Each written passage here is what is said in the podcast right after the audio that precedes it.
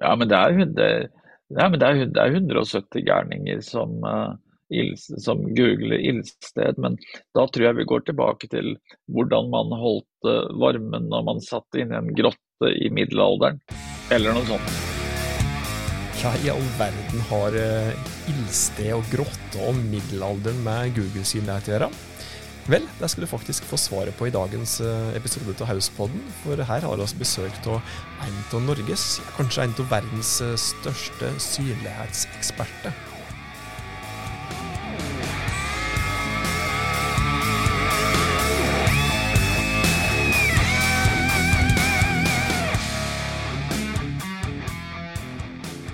Hold deg fast, for i dag skal du få en sjelda godbit. Spesielt hvis du har lyst til at virksomheter skal få ja, best mulig Google-synlighet. Du skal nemlig få de beste tipset fra en av dem som kjenner Google best, nemlig Roar Eriksen. Eh, Roar, velkommen til Hauspodden. Dette er på tide. Tusen takk. Jeg har gledet meg til dette veldig lenge, og vi har snakket om det veldig lenge, så det er eh, pokker meg på tide. Det er sant. Eh, for dem som ikke vet eh, hvem Roar Eriksen er, kanskje har hørt navnet, men ikke greier å hekte på alles riktig knagg akkurat nå, kan du ikke si noen ord om det sjøl?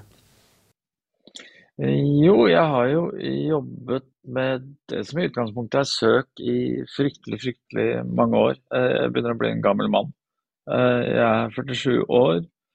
Jeg startet min karriere i Google. Jeg er ansatt nummer 54. Uh, utgangspunktet mitt var uh, en doktorgrad jeg skrev i USA, på Stanford, uh, som da åpenbart Google likte, og fant ut at den der mannen kan vi ha bruk for. Så jeg jobbet der i to år med tanke på det utgangspunktet i den do doktorgraden som er doktor doktorgrad i algoritmeteori. Men så skjer jo endringer i livet.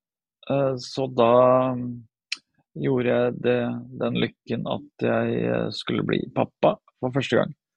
Og da ville jeg ikke at barnet skulle vokse opp i USA, så da uh, sa jeg opp jobben min i Google og flyttet hjem til Norge slik at hun ble uh, født her. Og startet det første performance-byrået i Norge. Eller kanskje i Norden, jeg er litt usikker på om jeg vinner på dato. Eh, men det startet jeg da i veldig sent 1999, dette performance-byrået. Så har jeg startet uh, flere byråer videre. Uh, det som kanskje de fleste kjenner til, det er det som er det største byrået per dags dato som jeg startet. Det er størst i dag, det er Red Performance. Det startet jeg sammen med Nils Rødvang. Jeg husker ikke nøyaktig hvilken dato nå. Men jeg jobber fortsatt da med synlighet, digital markedsføring, strategi, digital strategi, analyse, konverteringsoptimalisering. Og føler meg komfortabel med å kunne snakke om disse fagfeltene generelt. Og jobbe med de største merkevarene og de minste merkevarene. Eh, og det kan faktisk være at de minste merkevarene er de som faktisk er kulest å jobbe med. Jeg syns for øvrig at f.eks. Dyresjappa AS er innmari mye kulere å jobbe med enn regjeringen.no, for å være helt ærlig. I hvert, fall, I hvert fall to relativt ulike målgrupper som de henvender seg til, vil jeg tro. Ja, ja, men eh, jeg tror statsministeren har en hund, han også. Uh, Roar å holde seg oppdatert på alt til algoritmer alt av endringer som blir gjort fra Googles side, av smått og stort, som du kan gjøre for å klatre i søkeresultatet, er jo langt mer enn hva som noen greier å forholde seg til. og Derfor så må vi prioritere. Og Det er jo delvis grunnen til at vi har invitert uh, det hit. Vi har invitert deg for å du skal dele dine beste ja, insider og insider, både insidertips og de tipset som er basert på de erfaringene som du har gjort gjennom alle år rett og slett noen konkrete tips som er aktuelle akkurat nå. Eh, hva er det du vil si da til, til dem som kanskje ikke er noen eksperter sjøl, og som kanskje er litt frustrerte, både for at de ikke har den synligheten som de syns de fortjener, og som rett og slett ikke greier å holde tritt, for de vet ikke hvor de skal starte. Hva er dine beste synlighetstips for ja, akkurat nå, kanskje inn i det nye året 2023? Ja, eh, det, det, skjer jo som sagt da utrolig mye endringer som da du sier, Tormod. Er, uh, I 2021 så skjedde det, uh, ut ifra våre kalkulasjoner som vi har i mitt selskap, så, så skjedde det 8400 algoritmeendringer i 2021. Og Det er jo helt umulig for et menneske å egentlig forholde seg til. Uh, men det, det finnes noen sånne grunnregler. og liksom alle sier liksom man, ja, men SEO det, det, er ikke så vanskelig, det er ikke rocket science. Men SEO, eller digital markedsføring, det handler om så innmari mye mer. Det handler om egentlig hele det digitale kretsløpet. Eh, så den, den minste tingen kan da ødelegge hele ditt verk, som gjør at du ikke lykkes. Og, og da må man da eh, starte på bunn, der jeg ser de Eller jeg ser ikke, det er ikke mange som gjør det, eller veldig mange gjør det det er at man først og fremst f.eks. velger feil plattform. Da eh, CMS, eh, Content Management System. Eh, der man i utgangspunktet har et teknisk plattform som ikke er Google com eh, compliant. Ta f.eks. Squarespace eller Vix eller disse billige plattformene, og alle sier ja, men ja, det ser jo bra ut, men det ser ikke bra ut på, på baksiden. Og det er, det er, veldig vanskelig å bli synlig på det. På ja, dine viktige nøkkelord når man har en, et dårlig teknisk utgangspunkt. Så man, man må egentlig velge en, en, en god plattform som gjør at man har forutsetninger for å bli synlig. Det, det er da, da, å ha en teknisk god plattform som gjør at du eh, eh følger disse 260-270 signalene som Google måler deg på, eh, som er viktige. Eh, og hvis man deler de 260-270 signalene opp i prosent, og da er det den tekniske delen, eh, ca. 25% med tanke på signalene og Hvis ikke det er på plass, og hvis du har en dårlig plattform, så hjelper det ikke hvor god du er på de andre signalene. Da kan du skrive så mye godt innhold du bare vil. Det er jo mange som tror at, at uh, eh, SEO handler om godt innhold. og nei, Vi driver litt title tag-optimalisering, og det er veldig viktig å ha en H1 og en title tag, og så er alt bare fint. og Har jeg installert Yoast, så har jeg gjort min SEO. Nei, får du grønt lys i Yoast for Wordpress? Ja, det betyr at du har nevnt det ordet som du kanskje ikke vet er riktig engang, nok ganger i de ulike feltene. Så du må starte med det tekniske. Så der er det sånn Det er nei-plattformer. Um, uh, mitt selskap sier nei til uh, klienter som har Vix, Squarespace uh, uh, CMS-et fra, fra one.com og en par andre. Og da sier vi dessverre, da må du gå til noen andre for å hjelpe deg. Og det, det syns jeg er synd. Hvis det kommer et selskap som har f.eks. Vix, så sier jeg ja, jeg kan hjelpe deg, men da må vi bytte CMS-løsning. Uh, for det finnes mange gode CMS-løsninger, men uh, det, er ikke, det, er ikke, dermed sagt at uh, selv om du har EPU-server som kanskje har en startpris på 300 000, 400 000 er bra, eller alle sier at Wordpress er fantastisk. Jo, alle disse her kan være fantastiske hvis det er skrudd sammen riktig. Jeg har sett uh, Wordpress-installasjoner som i teorien, når du får ja, ta det i sånn gammel sjargong, får CD-platen din. Her er Eller diskettene dine. installere Wordpress. Når du installerer den med en gang, så er det bra. Men så begynner man å, å kødde til. Da kan det gå ordentlig galt. Eh, det gjelder også EP-server. Det gjelder Enonic, det gjelder Adobe. Ok, jeg fant dette på nettet om og galt. Ta en titt. Ja, Der skal til og med Siri komme inn, den kan vi ta med. Siri er ganske flink til å blande seg inn i uh, uansett om det handler om SEO eller ja, ja, ja. Det, Ja, altså, jeg har her borte også en Google Assistant. Den, den skal sikkert snart ha sine ord med i saken her. Så, så du, du, du, kan ha mange gode uh, publiseringsløsninger eller CMS-er, men det må skrus også riktig sammen. Men disse søppelsystemene det ødelegger, deg, ødelegger for deg før du har begynt. Så det er steg én. Få en teknisk god plattform som er skrudd sammen riktig. Og det har egentlig gjeldt i mange år. Men det er viktigere nå enn det det var før. Ja. Velg et godt CMS, og ikke, ikke kluste til. Nei, eh, og det mange tror, da, det er Ja, Wordpress er jo lett. Alle kan lage det. Ja, min datter lagde en nettbutikk hun, i Wordpress med innstikk WooCommerce. Uh, og hun klarte å bygge den med masse plugins. Det er ikke løsningen for en god nettbutikk, men det funka for en 14-åring. Det gjør det. Men driver du en bedrift, så funker det ikke. Uh, de beste selskapene som jobber med Wordpress, de lager faktisk Wordpress-løsninger og nettbut nettbutikkløsningene uh, på Wordpress og WooCommerce uten plugins med unntak av vips pluginen den må du ha. Uh, Logistikk-plugin. Og så klart da innstikket WooCommerce, som også er en plugin. EP-server også er det liksom det samme. Det må gjøres ordentlig. Så godt håndverk. Så den tekniske plattformen, har du den på plass, så er utgangspunktet for at du skal bli synlig, meget god. Da har vi grunnstein. Hva er det neste som uh, må til? Og, ja. Det er jo det som jeg har snakket om egentlig i mange år, som fortsatt folk synder på. Det er at man må uh, skrive godt innhold. Og der kom nylig da Google med en såkalt core update, der de fortalte hva de gjorde.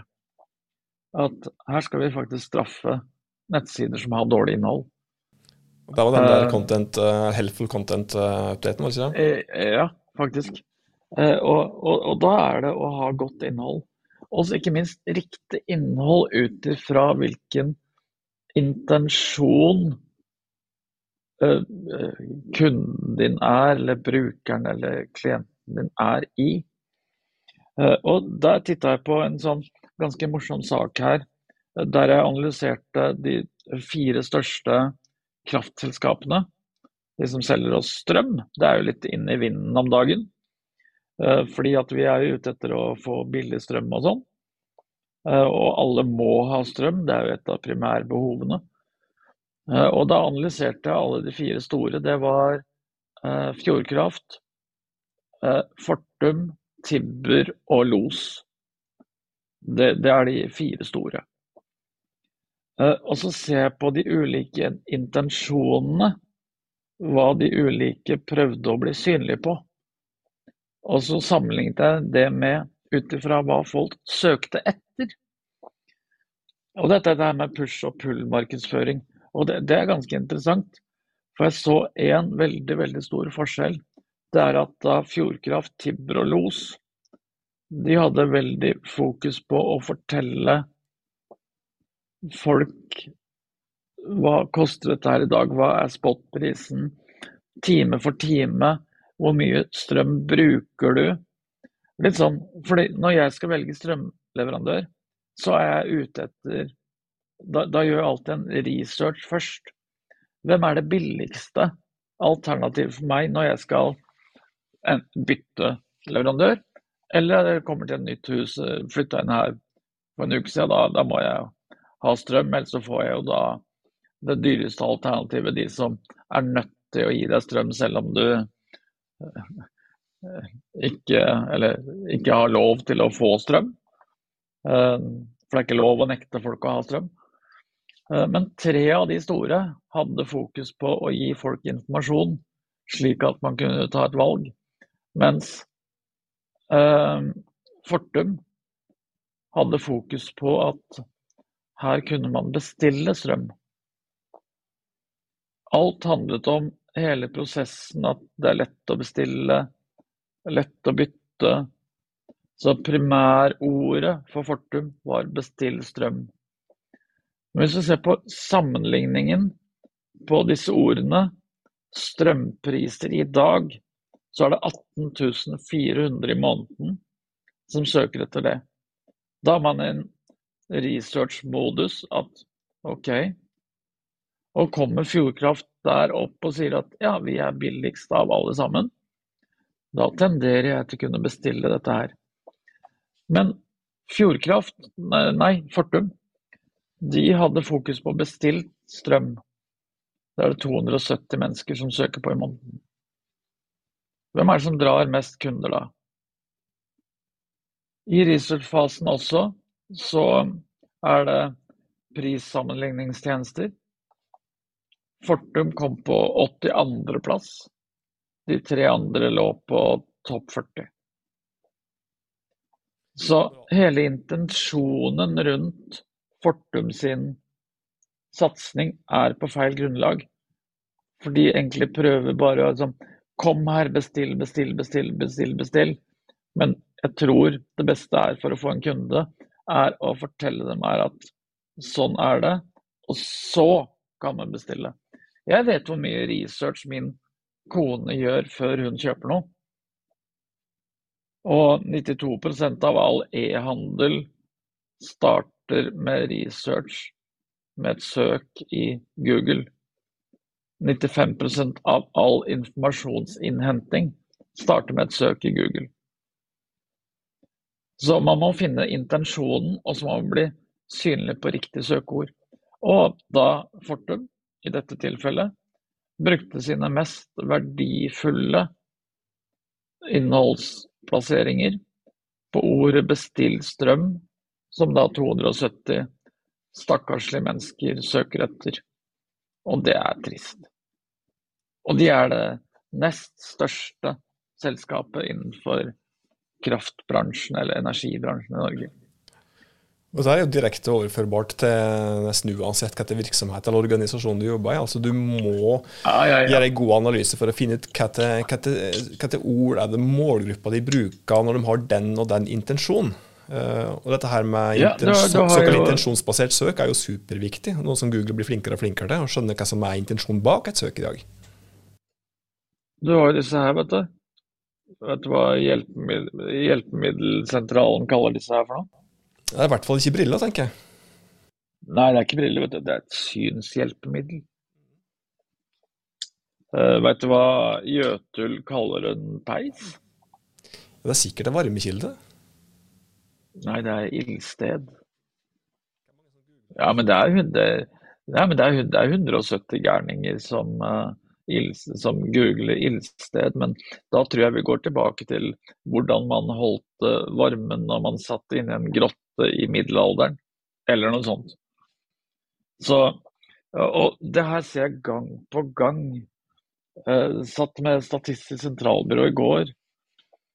Der der vi var på en side som handla om hvor mange mennesker bor i, i Norge. Uh, og hele siden var støffet fullt av ordet befolkning. Og ordet befolkning, det er, det, er, faktisk ikke et ord som vi fant ut ble brukt. Så det å, det å gjøre en ordentlig nøkkelordsanalyse er fortsatt et sentralt tema, dessverre. Det burde vært naturlig, og så er det god journalistikk, naturligvis. Ikke noe keyword stuffing og Så, så, så det, det, må være på plass. Altså det, det, er tips tre etter Nei, tips to etter at uh, alt det tekniske er på plass med en god teknisk løsning. Uh, og når du, når du, lager den tekniske løsningen, så må du ha en god kravspesifikasjon. Det tror jeg også burde nevne. Forsøk å være leverandør uavhengig når man velger teknisk løsning. Uh, for ellers så blir det jo slik at uh, hvis, jeg ikke, hvis jeg kjøper tjenesten av Tormod, da, og så finner jeg ut at Tormod, du er den eneste som kan hjelpe meg, det er veldig kjedelig. Jeg har veldig lyst til å kunne si at nei, Tormod, du er ikke god nok, god nok for meg, så jeg har lyst til å bytte leverandør. Så, så velg en plattform som gjør at du kan leve, eh, velge flere leverandører. Og så må du alltid ha 100% eierskap til alt. Du skal eie dataene dine, hostingen din osv. Så, så da har vi da hvert fall tips én og to på plass. Og dette her jeg, på bare én og to. Eh, den podkasten her kunne vart i Vi kan sitte her til klokka ti i kveld, eh, Tormod, og snakke uten at jeg blir lei. Kanskje du begynner å bli lei og kanskje må spise i mellomtiden, men uh, jeg, jeg, jeg, blir i hvert fall aldri lei. Og, og fordi at fagfeltet er så stort. Det, det går på det, de minste detaljene uh, på hvordan bare serveren er satt opp. Hvor serveren er. Uh, hvor lang tid det tar før serveren svarer. TTFB, time to first bite. Uh, der også tenker jo utrolig Det er liksom litt sånn egentlig blir tips nummer tre som Google har mast om eller sagt fra. At hvis dere ikke blir gode på dette her, så så rangerer dere også i fremtiden dårlig. Uh, Google har valgt å kalle det for uh, Core Web Vitals, der de blander inn egentlig user experience innenfor dette her med synlighet. Og det er da tilgjengelighet. Og da, da snakker vi egentlig om universell utforming, VKG 21 AA, til hastighet Eh, hvor mange har ikke sittet og hata når man ligger på sofaen, klikker på en Facebook-annonse, og så går det gjerne fem sekunder før man får svar på en eller annen webserver der ute. Før det så har jeg jo klikka meg tilbake og gitt opp. Eh, for Google har jo funnet ut at hvis du er under 1,6 sekunder på svartid, så er det greit. Eh, og der er det jo det første folk gjerne gjør, da, og det er gjerne små og mellomstore bedrifter. Det er at eh, ja, hosting, ja det må vi ha. Vi, vi kjøper en server, og så plasserer vi den der, og så tenker vi ikke mer over det. Da har det en server kjempefint, vi har et webhotell. Men det finnes gode hostingleverandører og dårlige. Velger du en dårlig leverandør, så er det ganske mange konsekvenser som kan skje ut ifra det. Siden din kan bli søppel med tanke på hastighet. For det, du deler eh, studenthybelen din med 1000 andre. Samtidig som at du deler IP-adresse med andre. Så hvis at en av de gjør noe straffbart til Google, så blir du også mistenkt, for å si det sånn. Så ta og si at jeg og Tormod bor på samme studenthybel, og Tormod tar med litt narkotika inn, så blir jeg også mistenkt av politiet hvis de finner ut av det. Og Sånn vil også Google gjøre det med tanke på disse reglene. Hvis da Tormod jukser, og jeg bor på samme hybel som han, så jukser jeg også, tror Google. Eh, men spesielt dette med hastighet. Eh, for eksempel, og der Det folk tenker på først og fremst der med tanke på hosting, som er da i utgangspunktet kundens første møte med din nettbutikk eller webside, det er hostingen. Og hosting er der folk veldig ofte sparer penger. Og det er så, det er så trist. Og det er ikke dyrt. Du får en rimelig helt fin server til 129 kroner i måneden eh, hos ProISP. Pro ISP. Men så er det da en eller annen innenfor disse små og mellomstore bedriftene som sier at nei, men Domenershop har jo en server til 39 kroner i måneden. Nei, den får holde. Ja, da er du deep shit før du har begynt. For da får du den svartiden på fem-seks sekunder. Eller syv eller åtte eller ni. Og da blir du da automatisk også da straffet av Google. Og ikke minst, kunden hater deg. Og da hadde du nesten tapt før kampen har begynt. ikke sant? Og dette her er jo eh, litt for teknisk til det menige man egentlig kan forholde seg til, men det sier jo litt om, om hva viktig det er med kravspesifikasjon, det som du nevnte. Ja, men la, la, oss si da du åpner en butikk i Karl Johans gate, og så tar det åtte sekunder å åpne døra. Er det vondt? Så, den, den, den, er tung. Den er jævla tung. Og så før jeg ser hele butikken, så kan det gå 18 sekunder. Jeg ser ikke helt innerst i hva som er alt. Og da går vi inn på sånne sentrale begreper som er Det kan, kan være tøft å forholde deg til, men largest contentful paint. Eh, når en webside eh, blir la oss si tegnet opp så forholder Google seg til en fire-fem sentrale begreper. Og da er det han Du kommer inn på websiden. Det er time to first bite. Det er da hvor lang tid det tar før i det hele tatt webserveren din svarer. Og hvis den er dårlig, da, da har du allerede, allerede, et problem. Og det skjer hos domeneshop og Syse og egentlig dårlige hostingleverandører, hostingleverandør, eller One.com. Det, det, er det verste eksempelet.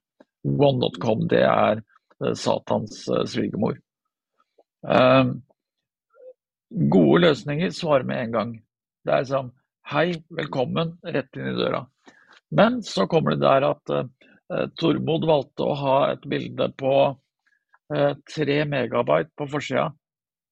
Og Google er ikke fornøyd før hele websiden er tegnet opp. Eh, og så har du dette med total blocking time. Hvis du har masse ting som må lastes før websiden funker, da kan det også være et problem. Så alle dere Det er sjelden jeg sier det, det er litt gøy å si det. Lyttere er lov å si når jeg er på en podkast. Hva er det lyttere som gjør det? Eh, som, som bruker f.eks. hotjar. Nei, hotjar er ikke noe gøy. For Hotjar må lastes inn før websiden funker. Google Tag Manager må lastes inn før websiden funker. Og alle disse tjenestene Jo flere ting man dytter inn på websiden, jo tregere, tregere blir den.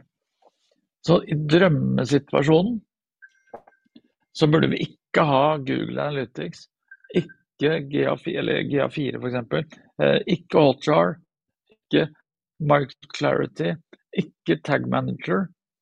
Eh, så lite javascript som overhodet mulig. Vi burde gå tilbake til steinalderen og bare presentere ren HTML med hyperoptimaliserte bilder.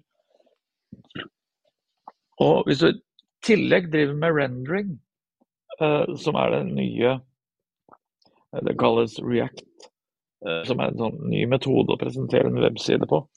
Eh, server-side rendering. Så er det da mange andre ting som må, må tenke på. Eh, og da, da, blir det vanskeligere og vanskeligere. Og alle disse elementene må optimaliseres. Og da kan man velge med f.eks. Uh, Hotjar vil jeg ha bort. Hotjar det er for meg, hvis en klient har det, så kan jeg si OK, nå lanserer vi et nytt nettsted.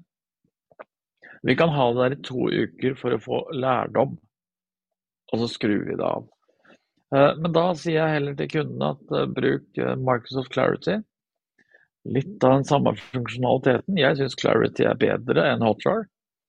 Uh, Hotjar, hvis du har mye besøk, koster penger. Clarity er 100 gratis. Så du må tenke på alle disse ressursene du putter inn på websiden for å optimalisere hastigheten.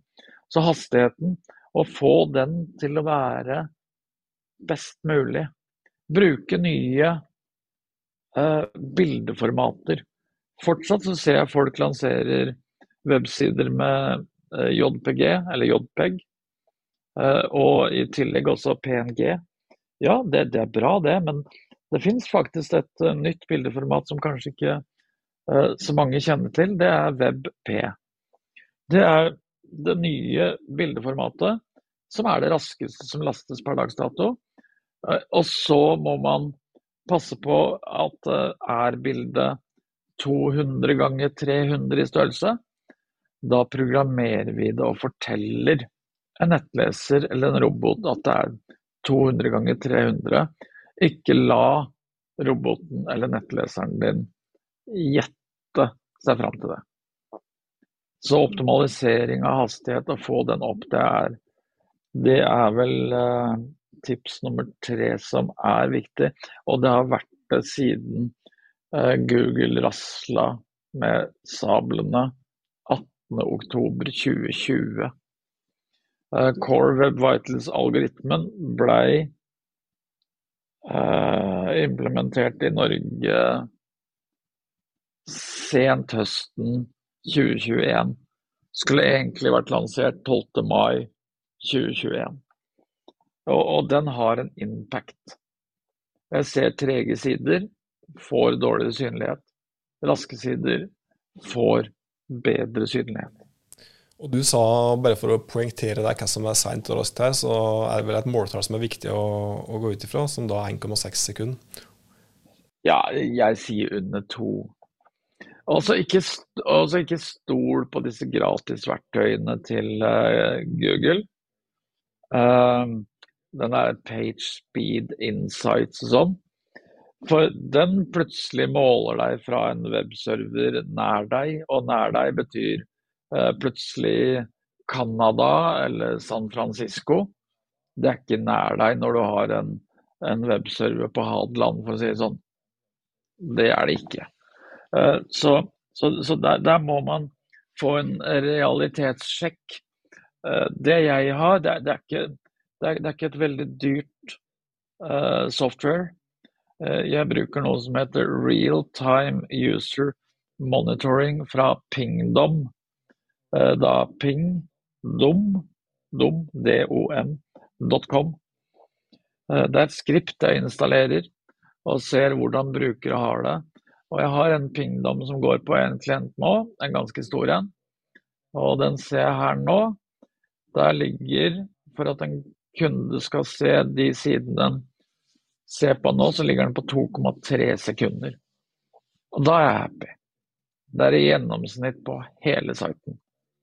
Med da 466 simultane brukere.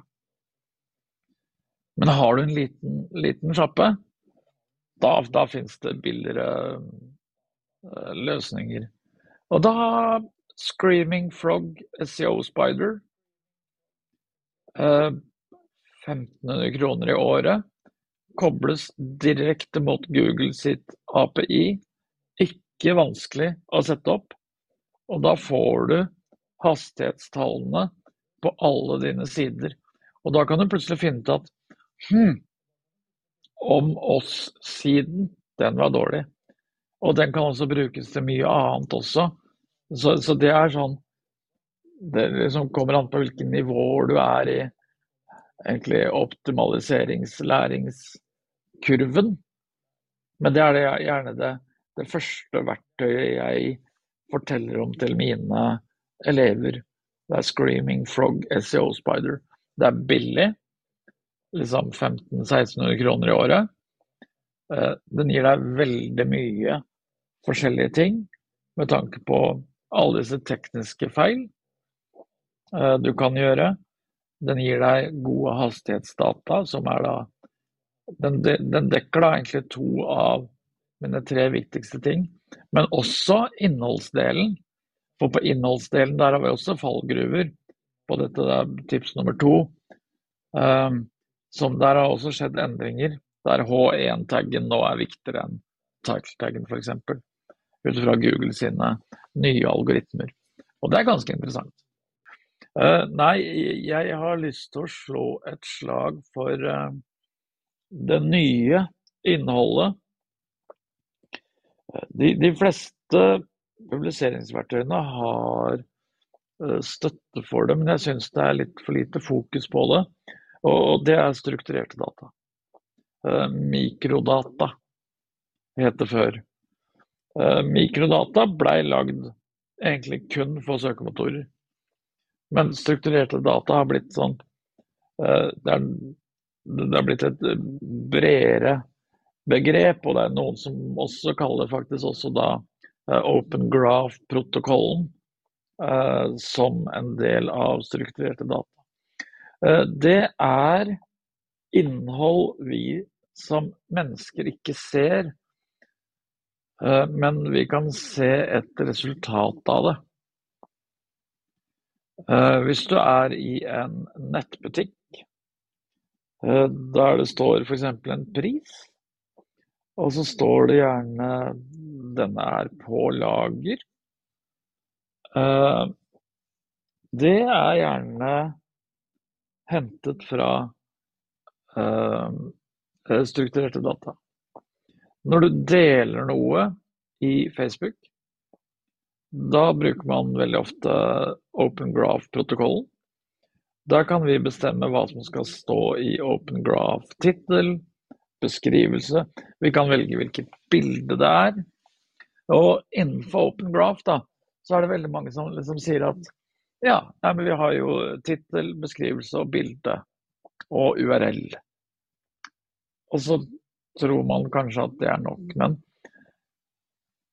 innenfor strukturerte data, da skjema.org Det fins uendelig mye data man kan tagge. At eh, f.eks. På, på min hjemmeside så burde jeg hatt det stått at uh, under kontaktdata med Roar Eriksen så kunne jeg skrevet i strukturert data at jeg har en ph.d. Eh, jeg kan forklare at eh, dette er en adresse.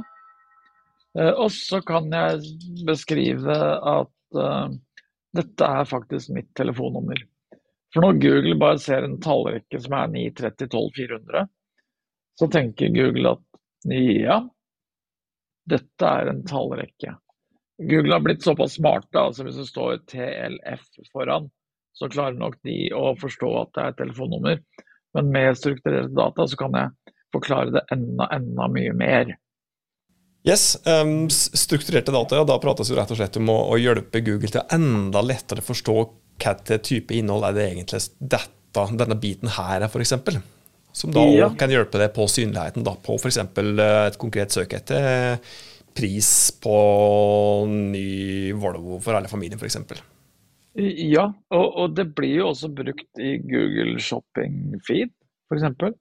Der er det jo eh, i, et XML-format, vel å merke. Eh, men eh, da, og, og, i tillegg også sånne stjerner. At vi har fire av fem stjerner på om produktet er bra eller ikke. Så det er, det, så det er skjema.org, schema.org. Eh, du kan tagge det utroligste. Det er, det er f.eks. noe så simpelt at, eh, at denne websiden er innenfor kategorien education. Eh, og du, du hjelper bare med å, å gjøre siden din mer relevant mot det du skal for eh, søkemotoroptimalisering, som er et begrep jeg egentlig hater, handler om å gjøre det slik at Google forstår hva du driver med. Som jeg sa, hvis du skriver bare ordet ildsted og ikke vedovn, da forstår ikke Google at du driver med vedovner.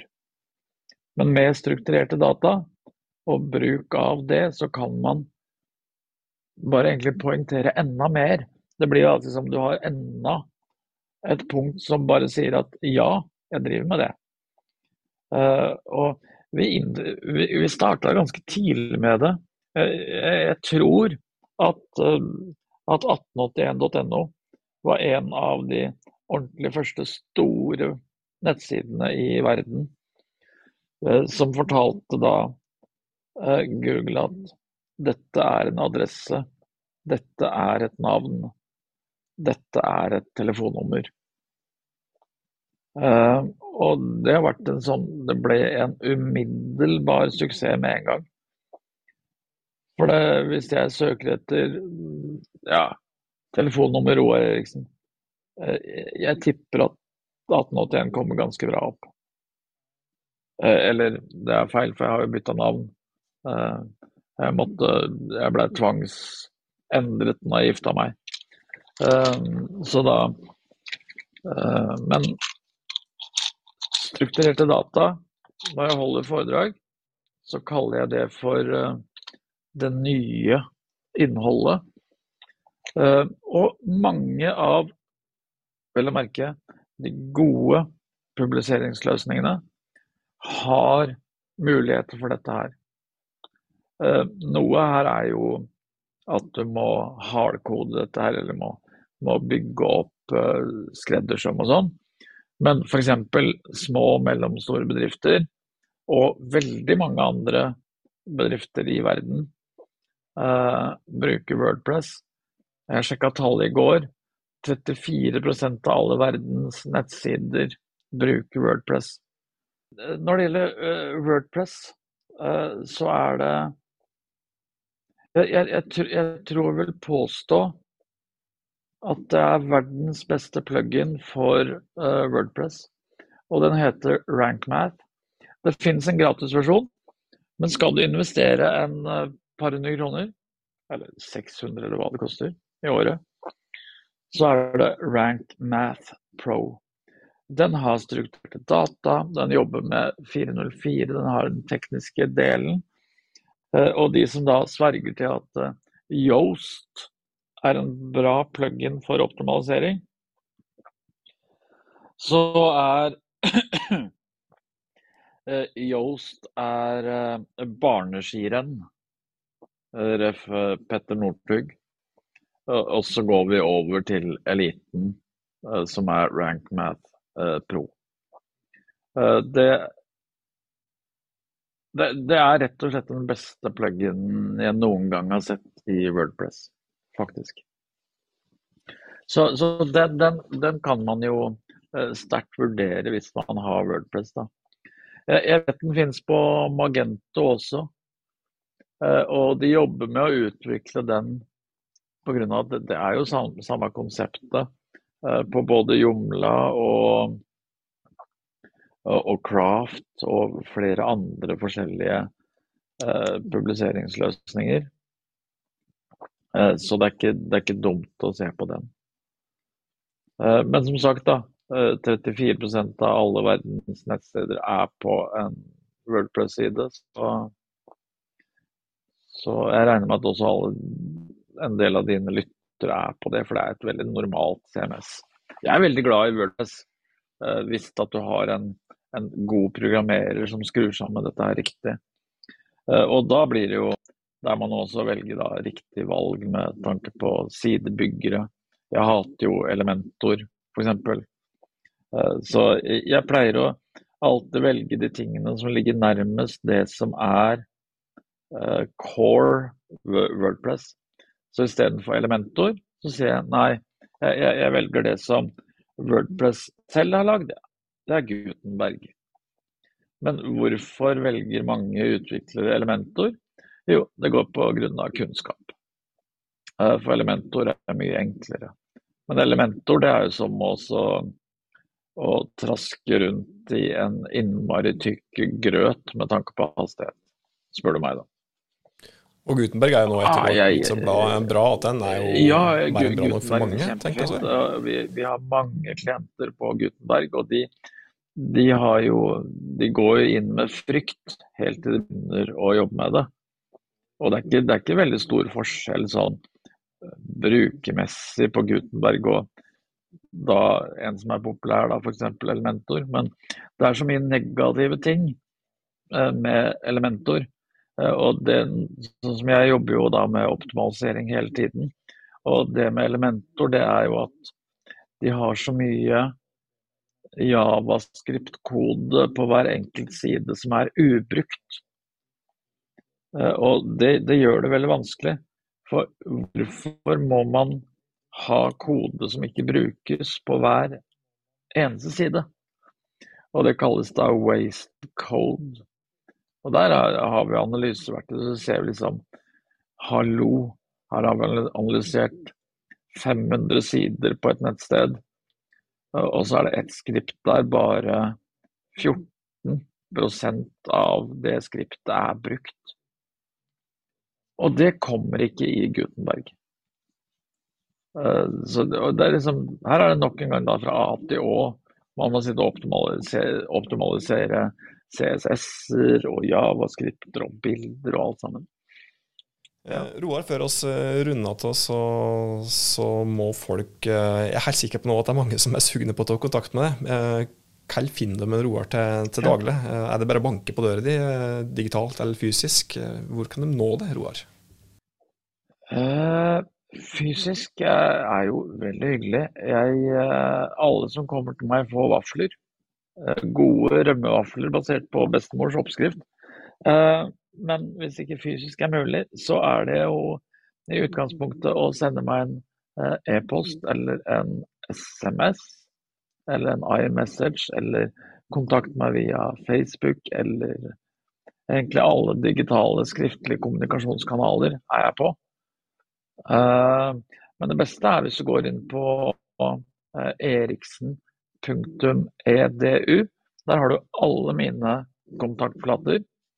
Eh, og som dere sikkert har merket i dag, så har jeg blitt kontaktet av tre personer, tre telefoner, og den rakk ikke jeg å ta. Så det dummeste er å prøve å ringe.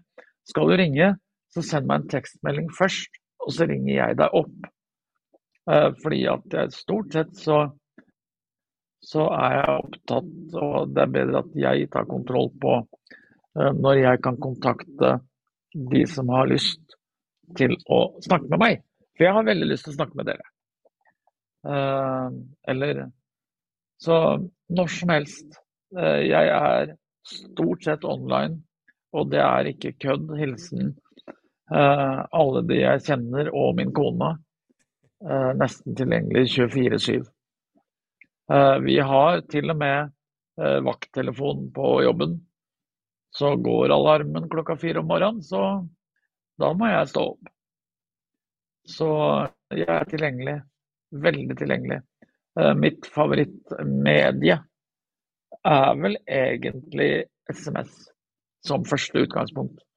Og så tar vi telefonsamtalen før vi velger en annen kanal etter det telefonnummer som du kan sende tekstmelding til eller message. 930 12 400. Mailadresse roar at eriksen.edu. Og webadresse er da eriksen.edu. Og da EDU som education. Takk. Ta kontakt med Roar, få hjelp. Det var alt som satte å by på i dagens episode av Hauspodden, og det var ikke så rent eh, lite. Du fikk rett og slett knakende mange gode tips fra godeste Roar Eriksen. Det skulle ikke forundre meg om Roar Eriksen dukker opp i eh, ny episode snart for å prate litt om Google synlighet. Inntil oss høres neste gang, ta godt vare på det og dine.